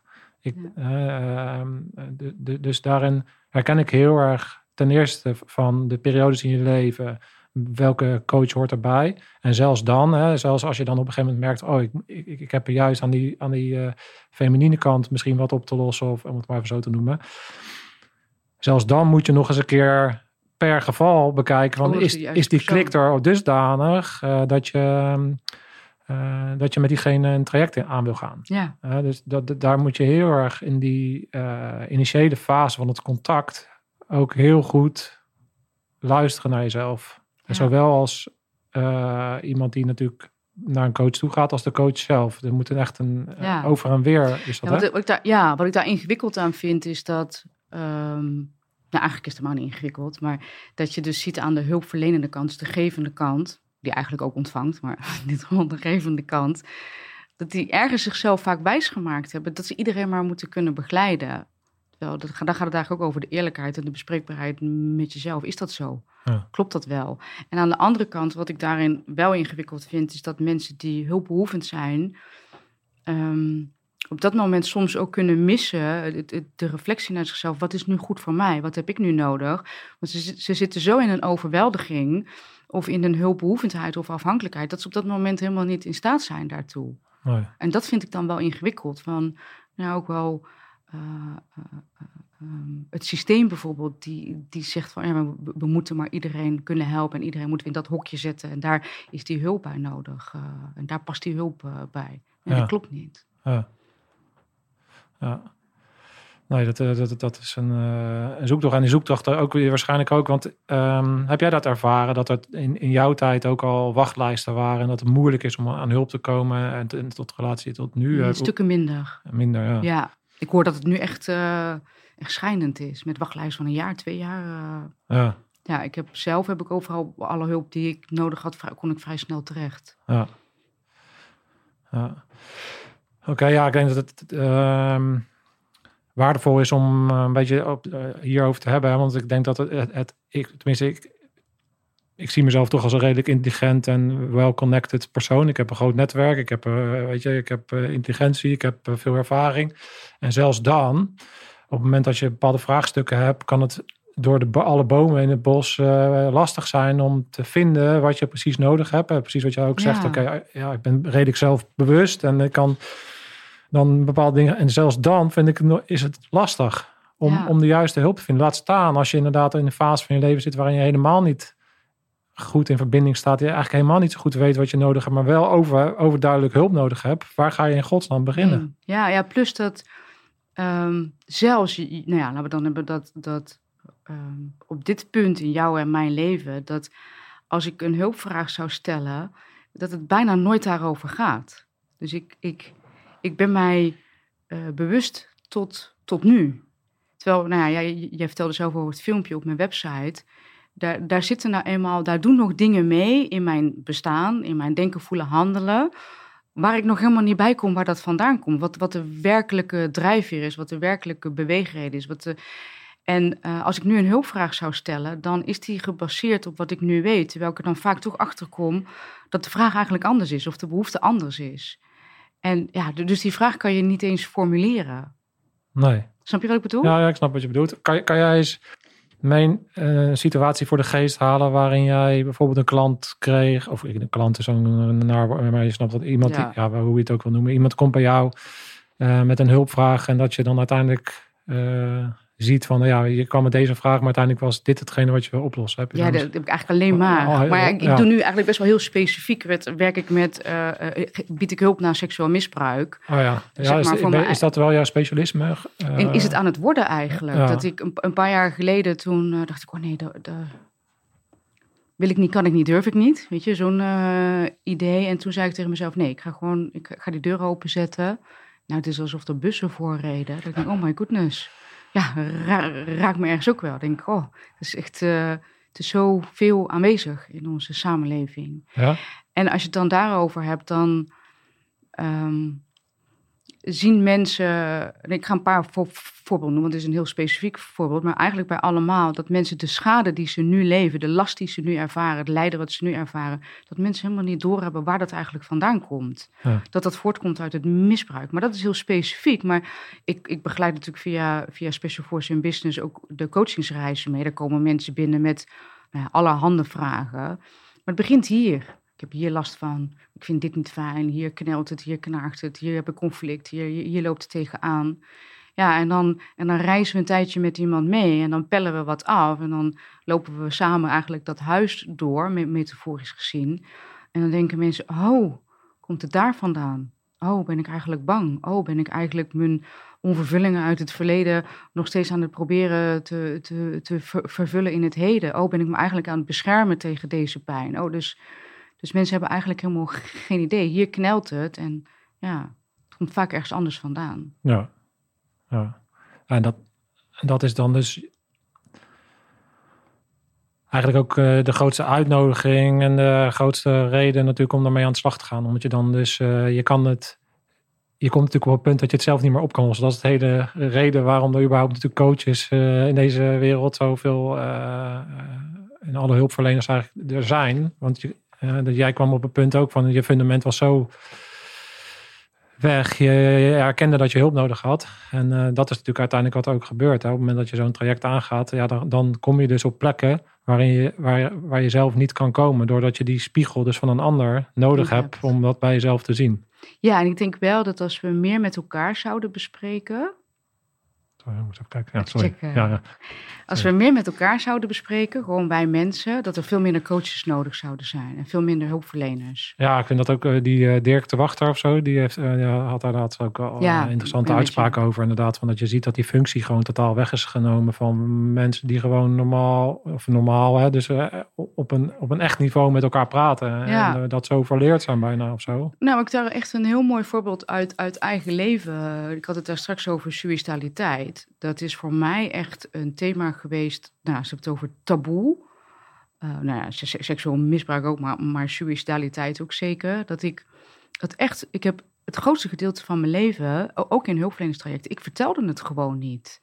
Omdat ik me daarvoor schaamde. Het was alsof het mijn eh, geheim was. Ik, ik, ik, ik, weet niet eens wat er zou gebeuren alsof ik daarover zou delen. Ik denk dat, ik, dat het ook over kwetsbaarheid gaat natuurlijk. Hè? Dat, dat, dat, dat, dat, dat natuurlijk niet durven tonen. En ik weet nog wel dat ik een. En mensen zijn er ook bang voor. Dus de andere kant is. Uh, mensen weten niet wat ze ermee moeten. Mensen worden er ongemakkelijk van. Uh, het raakt ook maar daar ben ik natuurlijk later achter gekomen. Het raakt, als het mensen dichtbij je staan, raakt het ook dan. Oké, jij hebt een doodswens of je bent suicidaal. Dan raakt het ook gelijk de angst van verlies van de ander. Hè? Dus als ik dat met mijn man of met mijn vrienden deel, ja, zij worden ergens op aangeraakt. Heel logisch. Maar in de hulpverleningstrajecten kan je, hoor ik ook heel vaak, kan je zoiets bijna niet delen. Eh, en dan het gevolg daarvan is dat er een crisisdienst gebeld wordt. Of dat je medicijnen moet krijgen. Of dat, je, dat je, nou ja, weet, ik veel wat voor uh, gevaar in één keer op je hoofd staat. Terwijl wat ik daar echt heel erg in geleerd heb. En dat heb ik echt via een hulpverlener geleerd. Dat zij mij leerde praten daarover. Dat zij eigenlijk met mij, alsof ze echt een motorkap zo opendeed. En samen met mij eronder ging kijken. vertel maar, wat denk je allemaal? Maak je al plannen? Hoe ziet dat eruit? Uh, is het al concreet of niet? En ik, ik weet niet, dat zij echt dingen vroeg dat ik dacht... Uh, Oké, hier heb ik nog nooit over gesproken. Dit is, dit is ongemakkelijk. En tegelijkertijd voelde ik dat ik dacht... En ik vraag er iemand naar. En zij gaf mij heel erg het gevoel dat ze het kon dragen. Er werd geen crisisdienst gebeld, er was geen paniek. Zij vertrouwde, zij gaf me ook vertrouwen op van... oh ja, maar ik, ik, ik, dat, het, dat het oké is. Dat wat ik ook voel, wat ik ook denk... wat ik uiteindelijk ook mogen kiezen zij wilde met mij daar naar kijken. En dat maakte dat ik er met haar steeds vaker over durfde te praten. En mijn schaamte voorbij ging. Ook mijn schuld, wat daarmee gepaard ging naar, naar de wereld om me heen.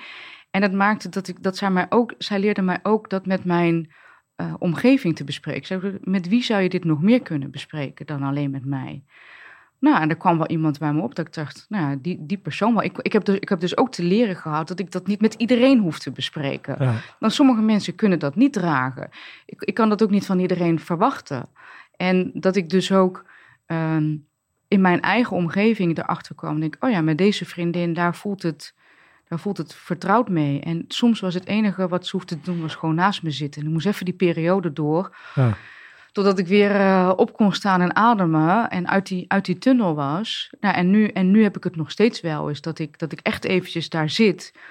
En dat ik op kan staan en dat ik tegen mijn man zeg: Oh ja, ik, ik, ik voel dat weer. En het is niet het gemakkelijkst, want even maakt alles bespreekbaar. Mensen denken dan dat ik heel makkelijk alles bespreek. Maar ik loop iedere keer ook weer tegen dat hobbeltje en heuveltje aan. En ik denk: Oh, moet ik het weer delen? Ja, en ik weet dat het hem ook raakt. Mag hij dat ook met mij bespreken? Ja. Mogen mijn gevoelens naast die van hem bestaan? En dan maakt het helemaal net over welk onderwerp dat gaat. Ja. Is ook over in intimiteit en seksualiteit. Ja, mag mijn angst naar zijn verlangen bestaan? Kunnen we het daarover hebben? Ja. Dat is intimiteit ten top. Ja. ja, dan noem je natuurlijk de twee thema's, suicidaliteit en Ik heb seksualiteit. Ja, dan, Ja. dat zijn natuurlijk ook eh, eh, de meest lastige thema's.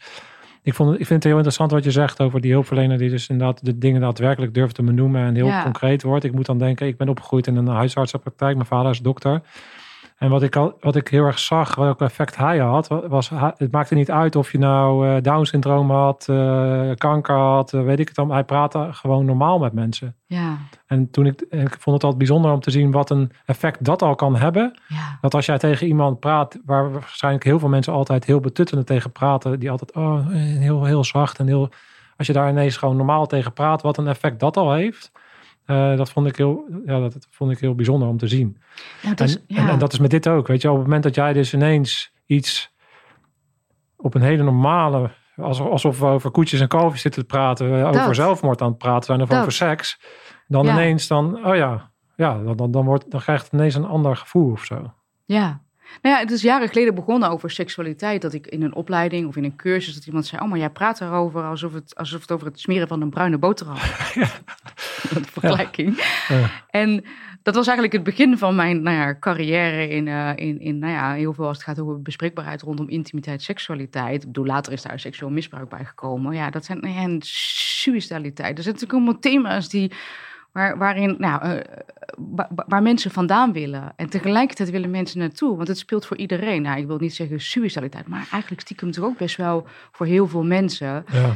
Ja, en dat is eigenlijk wat ik dan bedoel met. Ik denk dat er veel minder coaches en hulpverleners nodig zouden zijn als wij leren dit soort dingen gewoon met elkaar te bespreken. En dat hoeft niet met iedereen en met Jan en alle man. Maar er zijn, dat we in onze omgeving mensen vinden met wie we dat gewoon kunnen bespreken. Ja. Ik voel mijn zus of ik, ik erv- ervaar dit of dit gaat wel eens door mijn gedachten heen. En niet alles gaan pathologiseren, niet alles eh, ziek maken en alle, alsof alles maar gek is. Ja. Alsof, alsof er iets mis is met mensen. Wij lijden gewoon met z'n allen. Nou, precies wat Dirk de Wachter Ja. zegt. En de een wat meer dan de ander, hoewel ik niet denk dat leedhiërarchie bestaat. Nee. Maar ja, Ja, en kunnen we ook verbinden op dat lijden.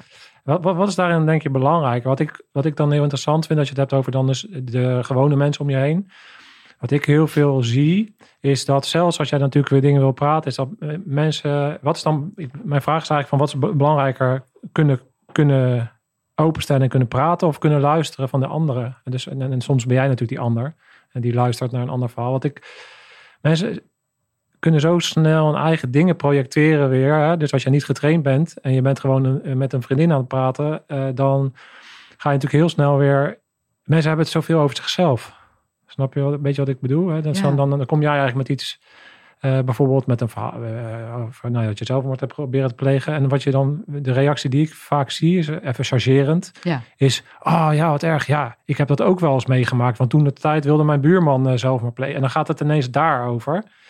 Eh, die reacties en, dat, en, dat, en, in dat spectrum die reacties, eh, dat kan natuurlijk heel erg eh, ehm, tegen, ja, hoe zeg je dat? dat dus, en dan hebben we het over communicatie. Hè? Dus wat, wat is dan belangrijk? Moeten mensen beter leren luisteren? Of moeten mensen beter leren, leren communiceren? Dus meer in de zin van hoe, hoe breng je het? Wat wat vind jij? Ja, en er zit ook een, nog een ander aspect in. Dus ik. Kijk, communiceren, laatst vroeg iemand wat het verschil dan tussen communiceren en bespreekbaarheid voor jou? Of ook wel een goede vraag, ook om daarover na te denken. Dus dacht ik, ja, bij bespreekbaarheid kom ik altijd bij die laag daaronder uit. Dus stel ik zeg tegen jou, uh, god, weet je, ik ben hartstikke suicidaal. Uh, gisteren zat er dit en dat in mijn hoofd. En jij komt op dat moment met, uh, och ja, vervelend, maar ja, mijn buurman dit en dat. Ja. Um, het gaat er dan eigenlijk weer over, wat, wat gebeurt er bij mij op dat moment? Ik houd nu even bij mezelf. Wat gebeurt er bij mij? Ik deel het omdat ik daarin gezien en gehoord wil worden. En dan kan ik verschillende dingen doen. Ik kan of jou je gang laten gaan en dan eigenlijk weer bevestigd worden. Oh, zie je, ik word niet gehoord, ik word niet gezien. Ja, ik, moet allemaal, ik moet allemaal zelf doen. En, allemaal uh, zelf doen en helemaal zelf kwijnen. En een ellende. En dan gaat het eigenlijk over dat mijn vader en mijn moeder me niet gezien hebben. En dat soort dingen. Maar, maar dat is niet interessant, want daar word ik natuurlijk op aangeraakt. Want gaat het alleen maar over de suicidaliteit op dat moment. Het gaat, het gaat nog, nog laagjes dieper natuurlijk. Ja. We willen allemaal gehoord en gezien worden. En de essentie van bespreekbaarheid voor mij is dan ook dat het, het gaat over het ontdekken. Want het is een hele reis. Dat weet je ook niet allemaal in één keer. Het ontdekken van de behoeften die niet uh, geuit kan worden, maar wel gehoord en gezien wil worden. En dat ik dan mezelf leer. Dat ik zeg, oh, ik, ik wil wel naar je luisteren, maar ik deel, ik deel dit niet voor niks. Zou je naar me willen luisteren? Ik heb met een vriendin meegemaakt, eigenlijk over hetzelfde onderwerp, suicidaliteit. Heel goed bedoeld. Want mensen willen graag gewoon naar je luisteren. Mensen willen je wel helpen. Alleen ja, wat is dan het juiste luisteren? Wat is dan het juiste helpen? En wat is dan de juiste steun? Dat is natuurlijk heel individueel. En dat ze op een gegeven moment naast me liep en allemaal begin, dingen begon te vertellen. En in advies dat ik zei, wil je even stoppen? En, en ik zei, ik, ik, ik, misschien als we twee dagen verder zijn, kan ik dit wel horen. Maar ik kan nu niet horen. Wil je gewoon, alleen maar bij me zijn? Ja. En toen zei ze, ja natuurlijk. Dus nou, dus uiteindelijk komt het dan toch weer neer op uh, verbinding met jezelf eerst. Ja. Want als je dat dus kan, dan kan je dus ook ervoor zorgen dat de ander jou eigenlijk op dat moment geeft wat jij nodig, nodig hebt. Ja, want jij kan mij willen steunen en geven wat je wil, maar dat kan op duizend en één manieren. Maar wat heb ik op dat moment nodig? Maar andersom ook, bijvoorbeeld bij dezelfde vraag. Waarom heb jij het nodig om het over je buurman te hebben, terwijl ik dat met jou deel? Ik zie vaak ook het ongemak van mensen. Ik vind, ik vind troost een heel mooi voorbeeld. Stel, jij zou nu geraakt worden op iets en dan, dan, dan zie je dat de neiging is van mensen om meteen dit te gaan doen en zo troosten. Maar waar gaat troosten dan over? Terwijl het eigenlijk ontzettend mooi is dat jij op dit moment in de verbinding, of misschien die, wij, die tot stand komt, dat je op iets geraakt mag worden en kan worden en dat met mij wil delen. Er is niks troostender dan dat. En dit betekent eigenlijk alleen maar, oh jee, ja, komt wel help, goed. Help, help, hou op, hou op. En dat komt eigenlijk om, het komt wel goed. Ja, nee, het is hartstikke, hartstikke goed, want hij komt bij, bij, bij, een heel mooi stuk uit. Maar het gaat eigenlijk over, kan ik het zelf dus dragen en verdragen? Dat, want het gaat dan vaak over iets wat in mij dan weer aangeraakt wordt. Ja, ja dat soort onderzoeken eigenlijk. Ja, ja. Wat een wondere, de wonderenwereld... Uh van, uh, van mens zijn, om het maar zo te zeggen. Jij uh, hebt het over nalatenschap gehad. Hoe dat, hoe dat eigenlijk jouw donkerste, op jouw donkerste momenten hetgeen is geweest wat je wellicht uh, dat setje heeft gegeven. Ook om weer door te gaan. En gelukkig maar. Dus ik hoop dat dat ook zo, zo zal blijven gaan. Als jij nu uh, naar jezelf kijkt, waar je nu staat, en uh, je hebt, hebt, het over nalatenschap en de dingen die je nog uh, die je wilt en die je graag zou willen zien, hè, met, met, de, met de missie waar je nu ook, op zit, met, name met bespreekbaarheid tot en met seksualiteit en seksualiteit. Wat een moeilijke woord eigenlijk. wat, als je het dan hebt over nalatenschap, wat is voor jou belangrijk, waar, waar, je, waar je nu staat en waar je graag naartoe wilt? Um, ik heb niet de illusie dat ik uh, de wereld, uh, nou ja, bijvoorbeeld kan uh, uitbannen van eh, misbruik. Of in, in de breedste zin van het woord. Het gaat nog niet eens alleen over seksueel misbruik, gewoon misbruik in de breedste zin van het woord. Um, maar ik, ik heb wel het idee dat ik kan bijdragen, zolang ik hier nog ben, aan uh, meer licht daarop schijnen. En dan gaat het eigenlijk ook niet alleen eens over misbruik, terwijl ik zo aan het praten ben, met je denk, oh ja, dit gaat heel erg over, uh, over wat eigenlijk uh, in mijn filmpje op mijn website zichtbaar is. Dat ehm, weet je, dat, dat we allemaal eigenlijk een, een, de- zoveel schaduwkanten hebben, die allemaal meedoen. Tussen jou en mij en tussen mij en de rest van de wereld en jou en de rest van de wereld. En dat zorgt vaak heel veel voor wrijving en conflict en onbegrip en eenzaamheid. Ik zie mensen gewoon heel eenzaam worden. Individualisering. eh, omdat we eigenlijk zelf niet naar die pijn willen, naar die schaduwkanten willen. Uh, maar eigenlijk alleen maar naar dat licht toe willen bewegen. Ik denk, oh ja, als we in staat zouden zijn, en, en ik daarbij mag, aan toe bij mag dragen, dat, dat we dat normaliseren. Eh, en daar ook op durven te verbinden, wordt het eigenlijk vanzelf lichter. Dat is ook het gekke ervan. Ja, Hoe harder ik naar het licht wil toe bewegen, eh, nou, hoe moeilijker het is om eruit te komen. Terwijl op het moment dat ik naar ook gewoon die shit en die pijn en die donkerte toe beweeg, dan, dan wordt het vanzelf licht. Ja. En daarop durven verbinden met elkaar. ja, Ja, ja en, en, en, dat, en, en daartoe bijdragen. ja. Ja, ja ik denk dat het, eh, doet toch mee. Oh ja, dat wou ik nog zeggen, want het doet mee. ja, het doet Het wel- zit er zeg maar t- tussenin. Of ik het nou wel of niet bespreek, het doet mee in, in, in onze interactie. Het doet mee in onze verbinding. Het doet mee in onze verbinding die niet tot stand komt, maar waar wel, wel behoefte aan zijn. ja. ja, dat is essentieel voor vooruitgang in Ja, jezelf. En in de wereld zie je het ook. Ik bedoel, denk als we maatschap- maatschappelijk kijken, is er niks harder nodig dan het licht nu op de daadwerkelijke pijnpunten schijnen Ja. dan op waar we nu mee bezig zijn. waar gaat het werkelijk over? Ja. Die vraag. Ja. Dat, dat, wat er, dat is eigenlijk altijd de vraag die ik mezelf stel, maar die ik mijn man stel. Had ik daar straks nog een mooi voorbeeld van, die ik anders stel.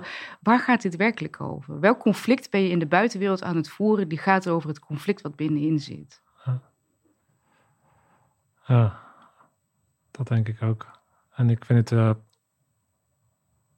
super waardevol dat. eh kijk, eh, je had het over het begin. eh, in het vorige gesprek vroeg je natuurlijk ook wat vragen over mij en, eh, en welk pad ik zit. En ehm, kijk, wat ik. Voor mij altijd het thema met de podcast, maar ook de dingen die ik nog wil. Ik wil heel graag documentaires meer gaan maken en, en verhalen vertellen.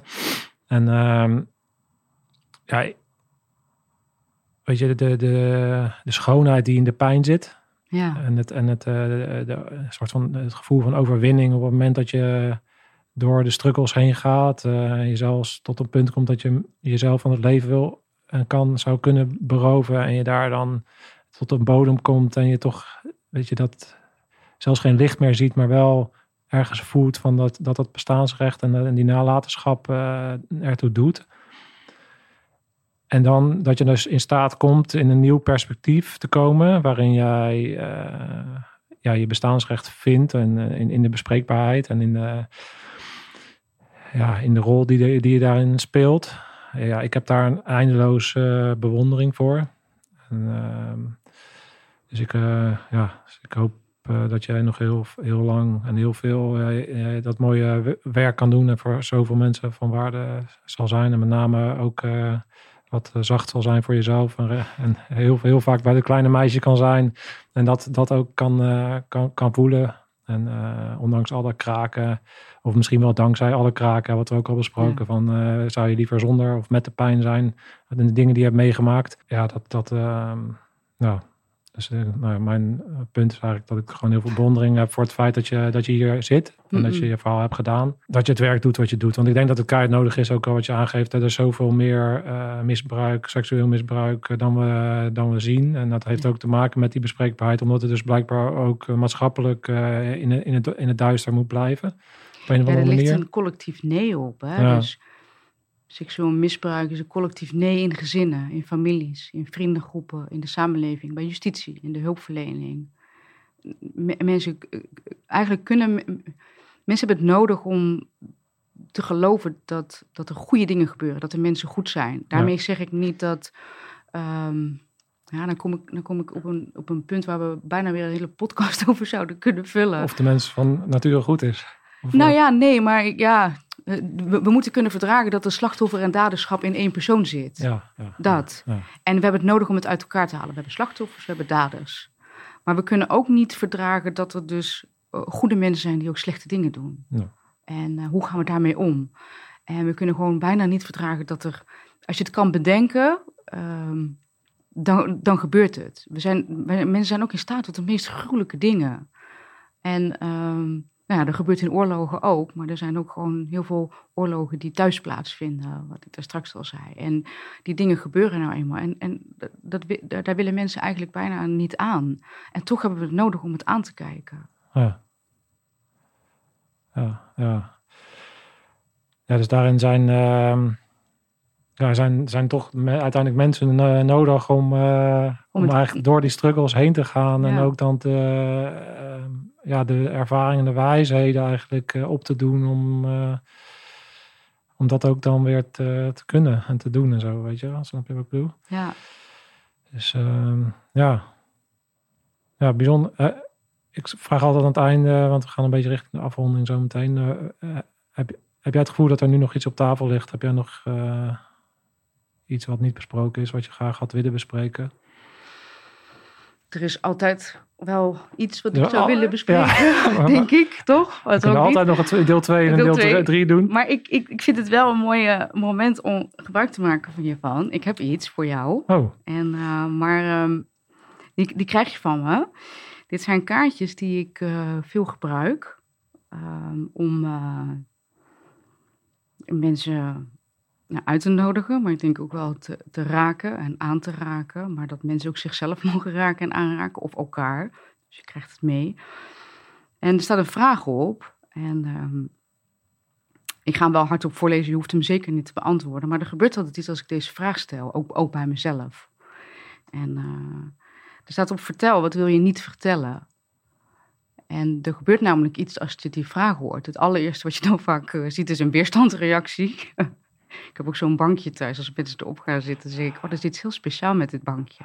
Oh, wat dan? Nou, als je erop zit, dan moet je iets vertellen wat je niet wil vertellen. Nou, mensen die staan natuurlijk meteen op. En dat is met de vraag ook. Alleen het is interessant, waar landt die? In jezelf. Dus ik, ik zal mensen nooit verplichten om te zeggen: Nou, dan moet je iets vertellen wat je helemaal niet wil vertellen. Maar het is wel interessant om bij jezelf te onderzoeken: God, waar landt deze vraag? Want we weten allemaal precies wat we niet willen vertellen, waar schuld, schaamte, nou ja, wat er ook allemaal mogen liggen, waar dat ligt. En de gelaagdheid van deze vraag is ook interessant, omdat dat waar het land en dat waar ook de weerstand op kan komen, daar ligt eigenlijk ook de behoefte. Dus datgene wat je, waarvan je voelt, nou, dit wil ik echt niet vertellen, dit durf ik niet vertellen, dit kan ik niet vertellen, ligt vaak de grootste behoefte om het wel te vertellen. En dat heeft mij echt heel erg geholpen. En helpt me iedere dag weer als ik bespreekbaarheid heel moeilijk vind met mijn eigen man, met mijn vrienden, met jou, met iedereen. Dat ik weet hoeveel weerstand er ook op mag liggen. Er ligt ook een behoefte onder. Ja, ja, ja super. Dankjewel. En, um, als ik dan mezelf uitdaag, pak ik even terug op, de, op jouw vraag over defensie. Ja. Um, ik ga er niet te veel over uitweiden. Um, maar uh, ik vond het heel spannend om hier te komen, omdat ik een enorme trigger heb zitten op Defensie. En ik daar ook, uh, eigenlijk wat jij al samenvatte, um, um, ook ervaringen heb gehad in het verlengde van mijn jeugd. Um, en ik dat ook heel lang onderdrukt heb. En eigenlijk ook mezelf daarvan de schuld heb gegeven. Ik denk dat ik dat nog wil zeggen. Er zit schuld op, er zit schaamte op. En ik denk ook wel dat ik tegen mezelf mag zeggen dat die schuld en die schaamte niet nodig is. En dat ik dit, dit ook een hele mooie plek vind. Om dat te mogen zeggen dat ik het moeilijk vind. En dat het me raakt en dat het me triggert. En dat ik, of, dat ik voordat ik hierheen ging, eh, bijna in paniek raakte ervan. Maar dat ik ook tegen mezelf kan zeggen: het is oké. Ik hoef er niet over uit te wijden wat er allemaal gebeurd is. Maar ik heb ook geen schaamte meer nodig en ik heb ook geen schuld nodig. En uh, dat uh, sta ik mezelf dan maar even toe om te zeggen. Ja. Uh, je ziet het al, dat, dat, voel ik ook, dat je dat. hoe ehm, oprecht dat is.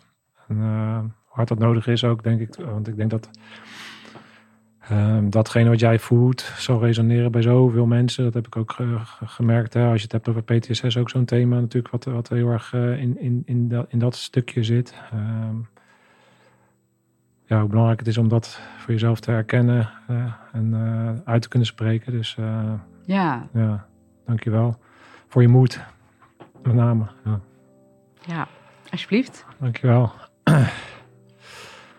leuk gesprek voor thuis straks. Ja. nou, Mamalou, ik heb er leuke kaartjes meegekregen.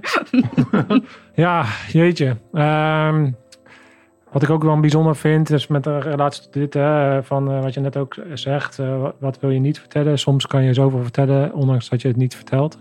Ja, En dat eh, heb ik ook in dit gesprek heel erg er- ervaren. Dus ehm eh, ja, dankjewel voor eh, dat je hier was. Jij Eh, ook. Bedankt. Fijn om je te ontmoeten voor het Ja. eerst zo. Hè. We hebben even gesproken aan de telefoon, maar fijn om, om zo elkaar te spreken. En eh, eh, deze reis te maken langs eh, de niet de gemakkelijkste thema's. eh, Maar wel alle Jezus belangrijk eh, dat we dat doen. En dat we laten zien eh, wat voor een eindeloos eh, interessant wezen we zijn. En eh, ingewikkeld wezen we zijn. En, en een mooi wezen we zijn. En hoe we dat dan, Ja. eh, hoe we daarmee om kunnen gaan. En hoe jij daarmee om gaat, dan daar kunnen we allemaal weer van leren. Dus mochten er mensen zijn die dit, waarbij het resoneert. Dus ik zal de link naar je website ook zetten. Want dat, nogmaals, een van de dingen is natuurlijk ook heel belangrijk. Dat als je, als je dat voelt. Dan eh, betekent dat ook vaak dat, dat je dan een handreiking moet doen naar, naar die hulp. Hè, want dat eh, kan, kan levensreddend zijn, denk ik, in heel veel gevallen. Als je de juiste hulp weet te vinden op tijd. Ja, toch? soms is die ook dichterbij eh, dan je denkt. Ja, Er is best wel heel veel hulp om ons heen. Alleen we moeten leren dit te doen. Die kunnen zelf alleen maar uitreiken. ja. Yes, alright, we gaan hem afsluiten. Ehm, wie weet tot de volgende keer. We zullen elkaar vast wel ergens weer tegenkomen. Wie weet ga je wel mee naar Zweden of niet? Ga je mee naar Zweden eigenlijk? Ik denk het niet. Nee? Nee. Nee, ik Nee. zit best wel veel in Zweden aankomende Ja. maanden. Maar eh, ik denk dan niet. Nee. Nou, ehm, we, gaan, eh, we komen elkaar weer ergens weer Tegen. tegen. Ja? Ja. Scherpschutters. Uit.